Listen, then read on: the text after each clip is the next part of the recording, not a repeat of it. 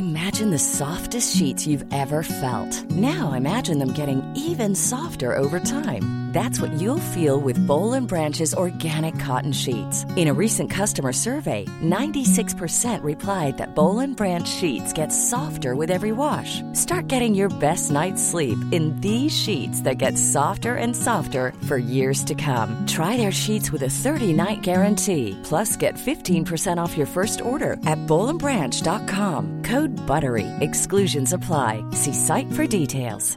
Hey, I'm Ryan Reynolds. Recently, I asked Mint Mobile's legal team if big wireless companies are allowed to raise prices due to inflation. They said yes. And then when I asked if raising prices technically violates those onerous two year contracts, they said, What the f are you talking about, you insane Hollywood ass? F- So to recap, we're cutting the price of Mint Unlimited from $30 a month to just $15 a month. Give it a try at mintmobile.com slash switch. $45 upfront for three months plus taxes and fees. Promo for new customers for limited time. Unlimited more than 40 gigabytes per month. Slows. Full terms at mintmobile.com. Hej och välkommen tillbaka till Storytime.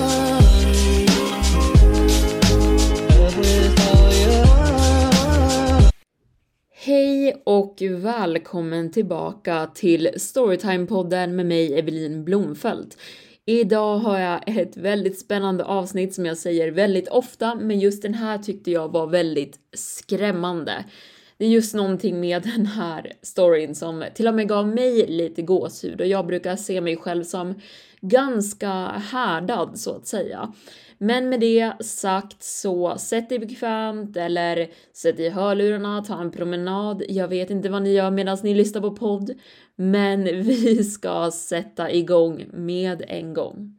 Det sitter en kvinna i ett träd på andra sidan gatan från mitt hus och det är någonting väldigt fel med henne. Hon har varit där uppe i minst några veckor nu, men det var först ändå jag märkte henne. Hon kunde lika gärna varit där uppe mycket längre än så. Det ser verkligen ut som det i alla fall. Jag har ringt polisen och de lokala nyheterna och till och med kommunen, men inte en enda person är villig att hjälpa mig. Och de var bekymrade först. Sen kom någon över, gick över gatan till trädet, såg upp och inom en minut eller två så gick de alla tillbaka till sin bil och körde därifrån så fort de kunde. Det låter helt absurt. En kvinna som sitter i träd i februari. Hon är absolut inte klädd för vädret och normala människor skulle inte kunna uthärda den här temperaturen klädd i någonting som ser ut som en gammal potatissäck. Men hon har. Och det verkar inte störa henne alls. Motsatsen faktiskt. Hon verkar njuta av det. Hör på. Jag är en väldigt lättsam kille. Väldigt tolererande av sina grannar. Jag klagade inte ens när grannpojken började spela trumpet för full hals. Eller när fru Svensson, min närmaste granne, klagade över min blombuske och var orolig att hennes katt skulle äta av blommorna och få diarré. Jag gjorde den grannskapliga saken grävde upp busken och slängde den. Jag blev knappt arg ens när Ralf Larsson längst nere på gatan råkade köra in sin golfbil i min brevlåda förra månaden. Jag spände käkarna och kastade iväg kvarlevorna av brevlådan. Min poäng är att jag inte är överdramatisk som person. Jag är säker på att jag har gjort några saker själv som gjort dem irriterade under de två åren jag bott här. Jag förväntar mig inte perfektion, bara normalt beteende från mina grannar. Men det här, vad den är, är långt ifrån normalt och ingen verkar vilja hjälpa till. Jag antar att det började för några veckor sedan, men det var bara då jag märkte henne där uppe. Klockan var ungefär sju på morgonen. Jag gick ut i min bil med nycklarna i handen. Jag öppnade precis bildörren när jag såg henne. Jag visste inte ens att det var hon vid det laget. Bara någonting som rörde sig uppe i trädet fångade min uppmärksamhet. Jag stirrade upp för trädet, kisade med ögonen och fokuserade punkten där jag sett något röra på sig. Jag försökte förstå vad det var för någonting.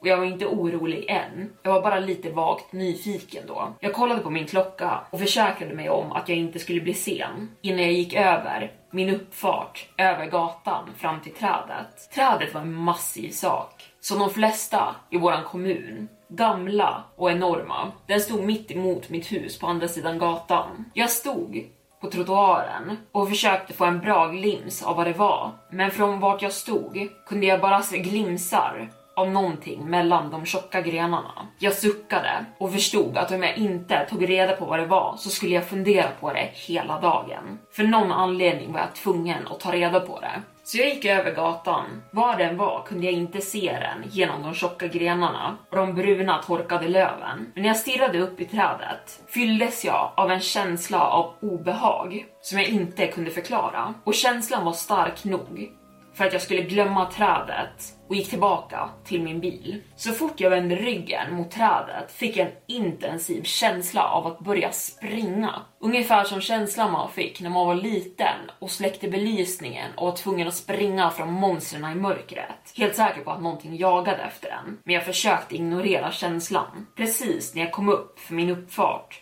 bröt ett plötsligt ljud tystnaden i den tidiga morgonen. Skarpt och klart, omisstagligt. Psst! Som en röst som försökte få min uppmärksamhet. Jag stannade i mitt steg. Utan att vända mig om så visste jag på något sätt att rösten hade kommit från trädet. Skit i stoltheten. Jag sprang då. Sprang till min bil, fumlade med bilnycklarna och låste upp den. Och innan jag lyckades få upp den och satt mig i bilen så svär jag att jag hörde ett till ljud. Någon skrattade. Den natten sov jag inte bra alls. Jag fortsatte att stirra ut genom mitt sovrumsfönster och föreställde mig trädet som svajade i vinden utanför och en skymt av blek hud som vinkade åt mig därifrån. När solen äntligen gick upp klädde jag på mig snabbt och skyndade mig över gatan och hoppades att ingen av mina grannar skulle få syn på mig. En del av mig tänkte att jag var helt irrationell. Mina ben fortsatte att röra sig under mig oavsett. Jag kunde höra fågelsång och ett svagt hum från morgontrafiken i distansen. Jag virade min jacka tajtare runt min kropp medan det kyliga vädret släppte ifrån sig en kall vindpust. Jag stod vid basen till trädet och såg upp in i det. Träden hade förlorat i princip all växtlighet på grund av kylan. Men trots att trädet nästan var kalt så fick de ruttnande löven det nästan att se ännu tätare ut och dolde objektet som gömde sig i det ännu bättre. Jag placerade mig precis under där saken förmodligen befann sig och det var då jag fick syn på den. Jag är inte säker på vad jag förväntade mig att se, men det var verkligen inte det här. En kvinna satt på en tjock gren ungefär 15 meter över marken. Jag stod där och stirrade på henne och försökte finna logik i hennes närvaro uppe i trädet. Hon stirrade rakt fram, blinkade inte och rörde inte sig alls. Hon hade på sig vad som såg ut som en sliten potatissäck men det kunde ha varit kvarlevorna av en gammal klänning också. Hennes smala, bara ben dinglade ner på sidorna av grenen, smutsiga och en stund trodde jag nästan att hon var död.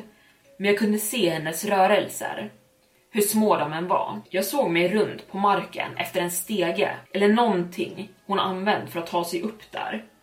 Men det fanns inget. Och jag är osäker på hur den här kvinnan hade lyckats ta sig upp i trädet överhuvudtaget. Trädet var inte vad man skulle kalla ett bra klätterträd. Det var alldeles för brett runt stammen och de enda grenarna som stack ut längst ner var alldeles för bräckliga och tunna för att kunna klättra på. Så att klättra upp där skulle vara omöjligt för de allra flesta människorna. Fröken ropade upp till henne till slut. Är du okej okay där uppe? Behöver du hjälp för att ta dig ner? Om hon hörde mig så visade hon inget tecken på det. Hon fortsatte stirra rakt fram med en tom blick. Hon måste vara kall med tanke på hur kallt det var ute. Den där klänningen som hon hade på sig kunde omöjligt gett någon slags värme. Några sekunder passerade och kvinnan svarade fortfarande inte. Jag skulle precis ropa på henne igen, men innan jag hann det så gjorde kvinnan ett ljud ifrån sig. Ett konstigt, hest, väsande ljud och blev högre och högre för varje sekund. Det tog mig en minut att inse vad ljudet var och för någon anledning så fick det mig att rysa, skrattande, som att någon skrattade och misslyckades för att hålla tillbaka det. Jag tog några steg bak från trädet. Mina instinkter skrek åt mig att springa därifrån. Jag hade ingen förklaring för den plötsliga känslan av skräck som fyllde mig. Allting jag visste var någonting var hemskt fel med henne. Innan jag kunde få mina fötter att börja röra på sig skiftade kvinnan på sig. Hon började luta sig över grenen som hon satt på och hennes huvud lutade sig neråt, sakta men säkert.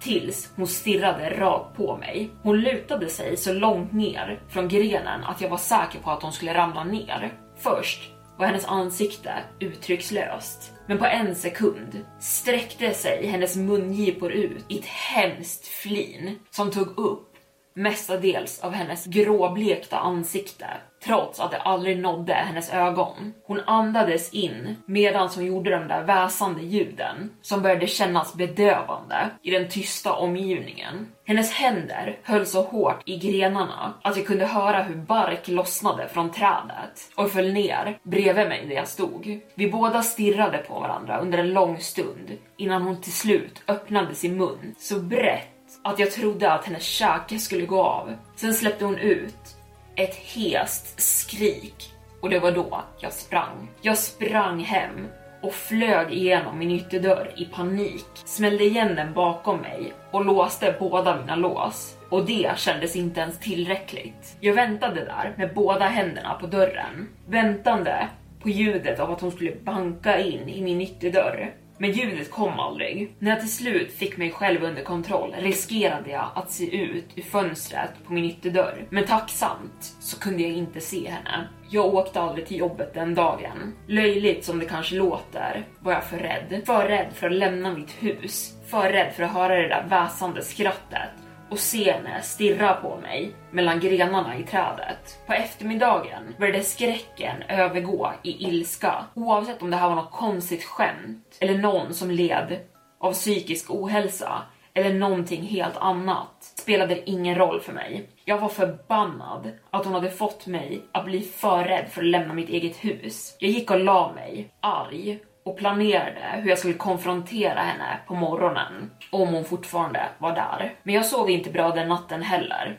Mina ögon fortsatt att glida mot fönstret och stirra in i mörkret. Jag kunde inte hjälpa att föreställa mig kvinnan från trädet med hennes smutsiga ansikte pressat mot mitt fönster. Jag vaknade nästan morgon före mitt alarm och till och med innan solen hade hunnit gå upp. Jag klädde snabbt på mig och drack mitt kaffe medan jag väntade på att solen skulle gå upp helt. Men vid laget den hade gjort det hade allt mitt mod och min ilska från kvällen tidigare försvunnit. Jag kollade ut genom vardagsrumsfönstret men om kvinnan var där så kunde jag inte se henne just nu. Jag ignorerade min skakiga hand medan jag öppnade upp ytterdörren och gick över gatan fram till trädet. Grenarna svajade i den kalla februariluften och blåste mig över ansiktet. Jag stod någon meter från basen av trädet och såg upp i det. Jag såg inte henne och lät mig själv slappna av lite grann. Jag hoppades att den iskalla temperaturen hade fått henne att hitta ett nytt ställe att sitta på. Jag tog ett steg närmare, men det var så långt som jag kom.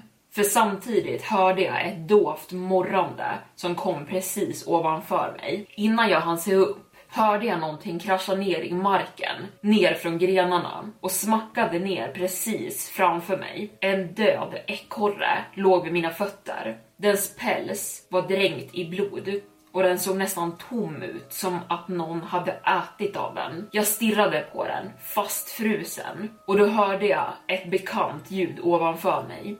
Skrattande.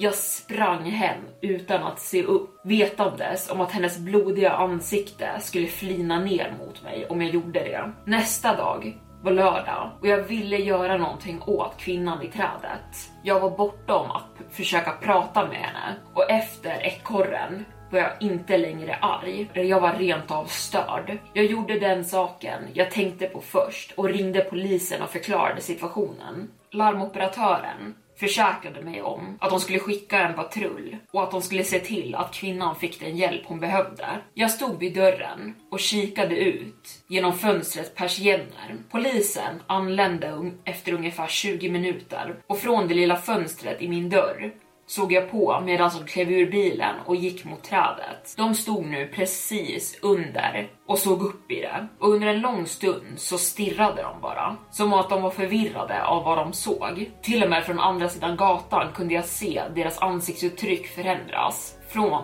nyfikenhet till djupt obekväma. De delade en kort blick med varandra innan den kvinnliga polisen började prata upp mot trädet och kvinnan och vred sig obekvämt medan hon gjorde det.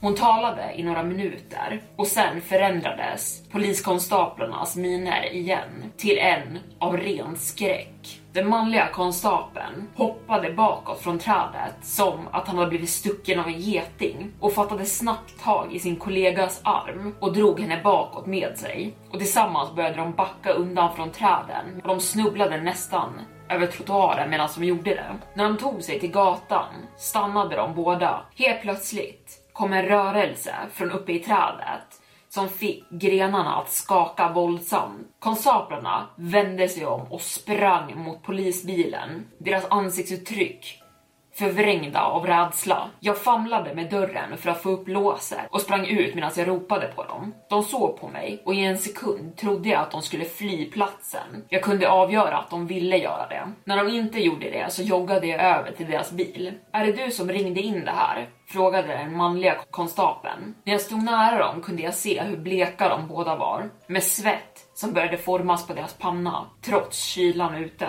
Ja, det var jag.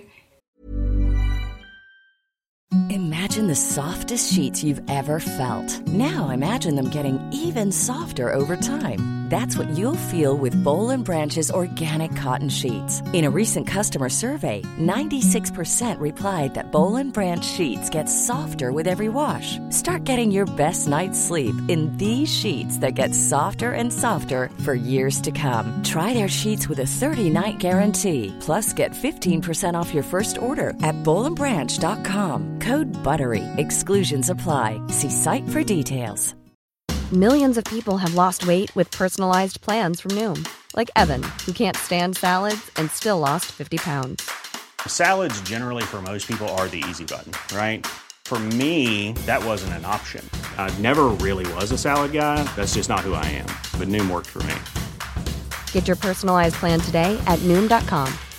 Real Noom user compensated to provide their story. In four weeks, the typical Noom user can expect to lose one to two pounds per week. Individual results may vary. Hi, I'm Daniel, founder of Pretty Litter. Did you know cats tend to hide symptoms of sickness and pain? I learned this the hard way after losing my cat, Gingy. So I created Pretty Litter, a health monitoring litter that helps detect early signs of illness by changing colors, saving you money and potentially your cat's life. Pretty Litter is veterinarian developed, and it's the easiest way to keep tabs on your fur baby's health right at home. Go to prettylitter.com and use code ACAST for 20% off your first order and a free cat toy. Terms and conditions apply. See site for details. I'm Sandra, and I'm just the professional your small business was looking for. But you didn't hire me because you didn't use LinkedIn jobs. LinkedIn has professionals you can't find anywhere else, including those who aren't actively looking for a new job but might be open to the perfect role, like me. In a given month, over 70% of LinkedIn users don't visit other leading job sites. So if you're not looking on LinkedIn, you'll miss out on great candidates like Sandra. Start hiring professionals like a professional. Post your free job on linkedin.com/people today. Kommer ni ta ner henne därifrån? Frågade jag hoppfullt. Konstapeln kollade kort mot trädet innan han såg tillbaka på mig och rädslan i hans ögon böts ut mot ilska. Det här är inte ett problem för polisen. Gå tillbaka in i ditt... Men jag avbröt honom fort. Inte ett problem för polisen. Så vems problem skulle det vara? Frågade jag chockad. Kvinnan har varit uppe där i gud vet hur länge. Hon är tydligt inte i bra form. Ni såg ju vad hon har på sig. Den kvinnliga polisen klev fram. Herrn, jag måste be dig att lugna ner dig. Kvinnan verkar inte vilja ha våran hjälp. Hon är nöjd med vart hon sitter och det är hennes rätt. Hon blängde på mig med ögon som vädjade om att jag skulle släppa det. Men hon kan ju omöjligt må bra. Ni talade med henne mindre än en minut. Borde ni inte kalla läkare på plats i alla fall? sa jag. Den manliga konstapeln klev närmare mig, så nära att jag kunde känna hans andedräkt av min tuggummi. Han spände sin käke och i en sekund trodde jag nästan att han skulle slå till mig. Den vuxna kvinnan har all rätt att sitta uppe i ett träd på allmän egendom om hon vill det. Du äger inte trädet. Och låt mig påminna dig om att det är ett brott att ringa 112 i onödan. Ring oss inte angående det här igen, annars kommer vi att arrestera dig. De hoppade in i sin polisbil utan ett ord till och körde snabbt därifrån. Jag såg medan polisbilen försvann nerför vägen helt ställd. Jag såg inte upp i trädet. Jag ville inte se henne, men på något sätt visste jag att hon var där och såg på mig. Kanske till och med skrattade. Jag spenderade resten av dagen med att tänka på vad jag kunde göra. Jag antog att polisen inte skulle göra deras jobb.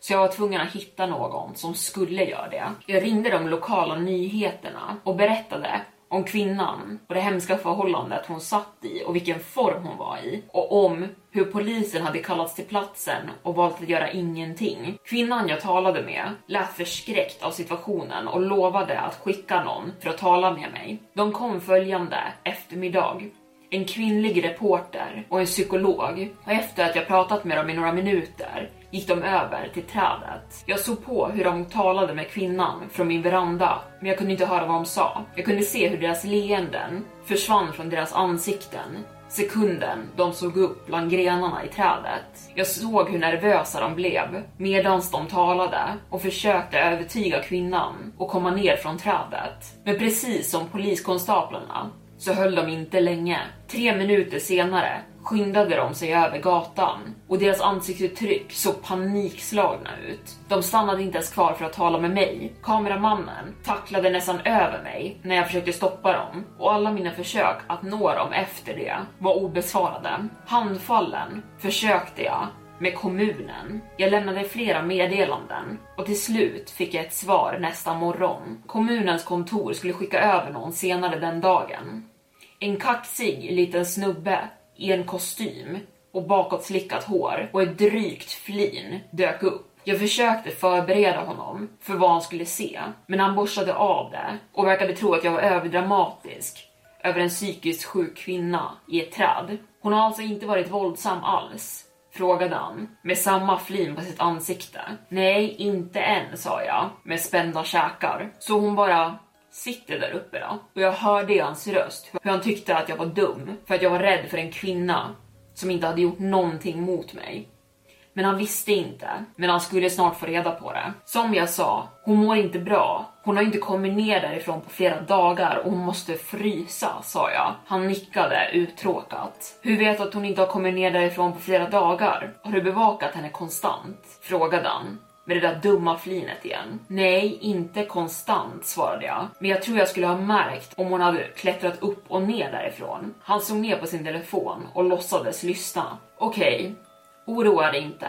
Jag ska gå och prata med kvinnan. Han vandrade kaxigt över vägen och trottoaren fram till trädet, helt omedveten om vad han snart skulle se. Han såg upp i trädet och det där dumma flinet föll från hans ansikte medan hans hy blev helt blek och hans ben såg ut som att de skulle ge vika under honom. Och helt plötsligt föll någonting ner från trädet. Någonting alldeles för litet för mig att kunna avgöra vad det var för något från vart jag stod. Hans händer flög över hans mun och han torkade bort något från sitt ansikte.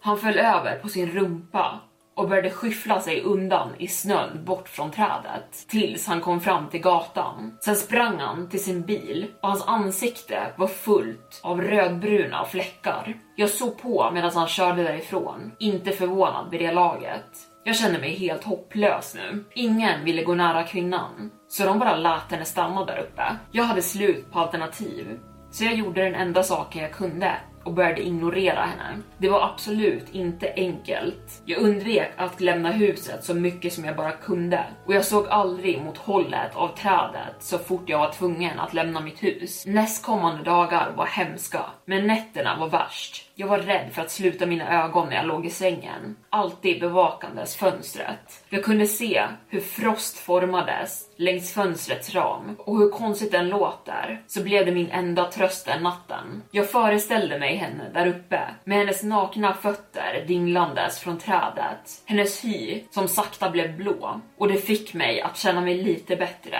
Jag hoppades att hon skulle ha en väldigt obekväm natt där ute och äntligen överge trädet. Jag övertalade övertalade mig själv om att jag hade gjort allt jag kunde för att försöka hjälpa henne. Och om hon föll offer för kylan så skulle det inte vara mitt fel. Det skulle nästan vara tröstande.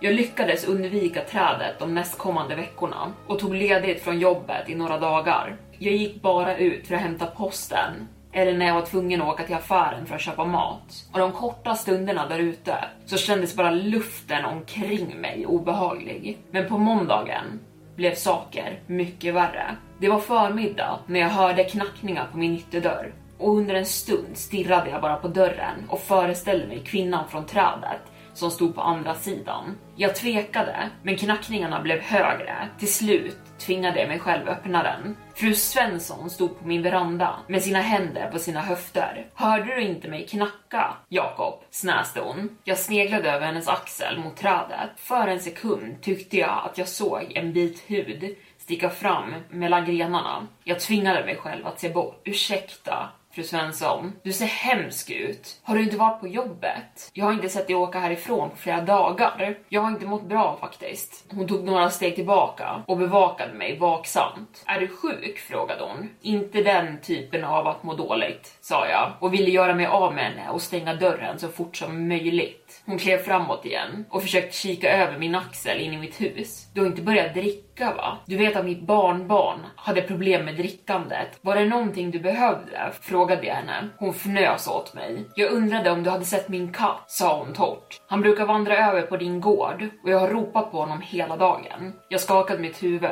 Nej, tyvärr, jag har inte sett honom, sa jag. Men om jag gör det, ett högt jamande kom från andra sidan gatan. Fru Svensson hörde det också och vände sig om. Hörde du det där? Det där är Torsten. Jag skulle känna igen det där jamandet överallt, sa hon. Hon började gå ner för min veranda, men jag fattade snabbt tag i hennes arm. Gå inte över dit, viskade jag.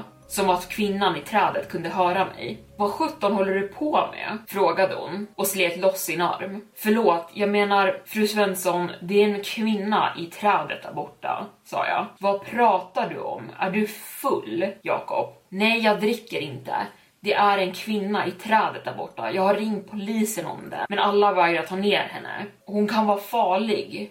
Jag skulle hålla mig borta därifrån, sa jag. Hon skoffade och såg mot trädet. Hon måste vara en sån där narkoman som jag hör om på nyheterna. Förmodligen uppe där och röker någonting, sa hon och skakade sitt huvud äcklat. Det är någonting väldigt fel med henne, men jag tror inte att det är droger sa jag. Man kan inte alltid avgöra vem som använder och inte. Och de verkar må bra tills de dyker upp i ditt hus och börjar sno dina silverbestick. Nyktra kvinnor klättrar inte upp i träd i mitten av februari och jag vägrar låta henne sitta där uppe och låta min katt andas in hennes gift, sa hon och skyndade ner för min uppfart och ignorerade mitt vädjande. Jag vet att jag borde gjort mer för att stoppa henne, men som en fegis jag är sprang jag bara in och låste dörren efter mig. Jag såg på henne från fönstret medan mitt hjärta slog hårt i min bröstkorg. Hon stod på trottoaren precis under trädet och stirrade upp. Jag kunde inte se kvinnan i trädet, men jag kunde se att fru Svensson gjorde det. Först såg hon förvånad ut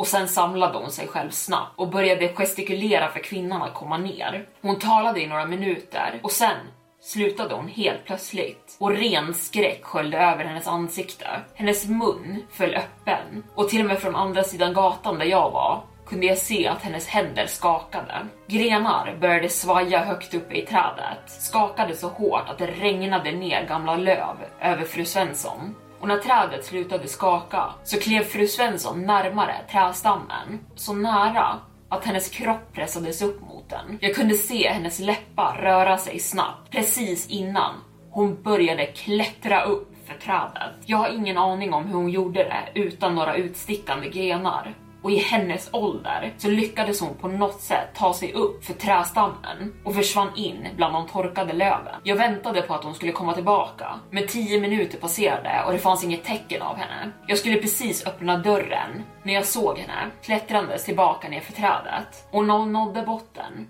ställde hon sig som fastfrusen och stirrade rakt på mig. Precis som att hon kunde se mig därifrån hon stod. Jag klev bort från fönstret och övervägde att ringa polisen igen, trots att det betöd att jag skulle bli arresterad. Någonting var väldigt fel nu. Jag riskerade en till titt ut ur fönstret och till min skräck såg jag att fru Svensson flinade. Ett flin så brett och förvrängt att det gav mig kalla kårar av att bara se. Och sekunder mina ögon mötte hennes började hon skyffla sig framåt över gatan med ögonen fästa vid mitt hus. Jag hade ingen aning om om hon skulle försöka bryta sig in i mitt hus. Det kändes som att allting hände i slow motion. Helt plötsligt kommer en svart bil körande snabbt ner för gatan med förarens huvud vänt mot mig. Ett ansikte jag kände igen. Flinandes lika brett som fru Svensson. Mannen från kommunkontoret. Hans bil körde rakt in i fru Svensson när hon passerade över vägen och hennes kropp föll ledlöst över framänden på hans bil och landade på trottoaren med ett knak. Han fortsatte köra lika fort därifrån och försvann från gatan. Jag sprang ut, men jag kunde inte ens se ner på fru Svensson och den hemska scenen. Jag ringde 112 och hennes kropp fördes iväg. Ingen brydde sig om kvinnan i trädet dock. De tog däremot informationen om mannen från kommunen och jag hörde att han hittades död i sin bil bara några kilometer bort och jag hörde en konversation mellan poliskonstaplar där de sa att han hade flinat när de hittade honom. Jag stannade inne i mitt hus hela helgen och övervägde väldigt allvarligt nu att flytta. Igår när jag gick upp i badrummet kunde jag inte hjälpa att undra om hon fortfarande var där. Jag såg försiktigt ut genom fönstret. Solen hade redan börjat gå ner, men den lyste upp trädet precis tillräckligt för att kunna avgöra. Mina ögon skannade grenarna efter henne, men avståndet jag stod på gjorde det svårt. Precis när jag tänkte ge upp såg jag det, högt upp i trädet, nästan nära toppen, kikade ett ansikte fram genom grenarna. Samma smutsiga, leende ansikte. Det var för långt bort för att kunna avgöra hennes ansiktsuttryck, men jag kunde se henne och jag visste att hon log. Men det värsta var att jag visste att hon log mot mig. Hon log ännu bredare om det ens var möjligt, med en arm som stack ut och ett finger som pekade rakt mot mig. Jag tryckte in mig själv mot väggen medan jag djupandades. Jag kände mig yr av panik och jag var tvungen att bita mig i läppen för att inte skrika rakt ut. Det fanns en känsla av riktig fara att ens vara nära henne och när man såg på henne. En känsla av att den här kvinnan kunde skada en och hon skulle njuta av det. Så tyst som jag bara kunde smög jag ner för källartrapporna och behöll belysningen avstängd. Källarfönstret var högt upp på väggen och jag var tvungen att stå på några gamla kartonger för att ens nå upp till det. Jag gjorde så lite ljud ifrån mig som jag bara kunde och försäkrade mig om att hon inte kunde höra mig. Jag visste att jag förmodligen inte skulle kunna se henne i det här dova ljuset, men jag behövde försöka. Jag behövde veta vart hon befann sig för att hålla koll på henne. Jag ställde mig upp på kartongerna och kupade mina händer över mina ögon och pressade mitt ansikte upp mot glaset. Jag skriver allt detta medan jag gömmer mig i mitt badrum. Jag stirrade inte alldeles för länge ut ur källarfönstret för först trodde jag att jag såg min egna svaga reflekterade spegelbild som stirrade tillbaka på mig. Men efter en stund insåg jag att den vidögda reflektionen inte var min egen och den flinade. Och där var dagens storytime avsnitt slut. Jag hoppas att ni tyckte att den här berättelsen var lika bra som jag tyckte och ganska skrämmande. Jag skulle inte vilja ha någon utanför mitt hem i ett träd. Um, man fattar liksom inte riktigt vad som var fel där, va? Om det var övernaturligt eller ja, men ehm, äta ekorrar ute i träd mitten av februari kan man också göra. Men med det så tackar jag för att ni har lyssnat idag. Vi hörs nästa måndag. Hej då! Even on a budget, quality is non-negotiable. That's why Quince is the place to score high-end essentials at 50 to 80% less than similar brands. Get your hands on buttery soft cashmere sweaters from just 60 bucks, Italian leather jackets, and so much more. And the best part about Quince, they exclusively partner with factories committed to safe, ethical, and responsible manufacturing. Elevate your style without the elevated price tag with Quince. Go to quince.com slash upgrade for free shipping and 365-day returns. Planning for your next trip? Elevate your travel style with Quince. Quince has all the jet-setting essentials you'll want for your next getaway, like European linen, premium luggage options, buttery soft Italian leather bags, and so much more. And is all priced at 50 to 80% less than similar brands. Plus, Quince only works with factories that use safe and ethical manufacturing practices. Pack your bags with high-quality essentials you'll be wearing for vacations to come with Quince. Go to quince.com/pack for free shipping and 365-day returns.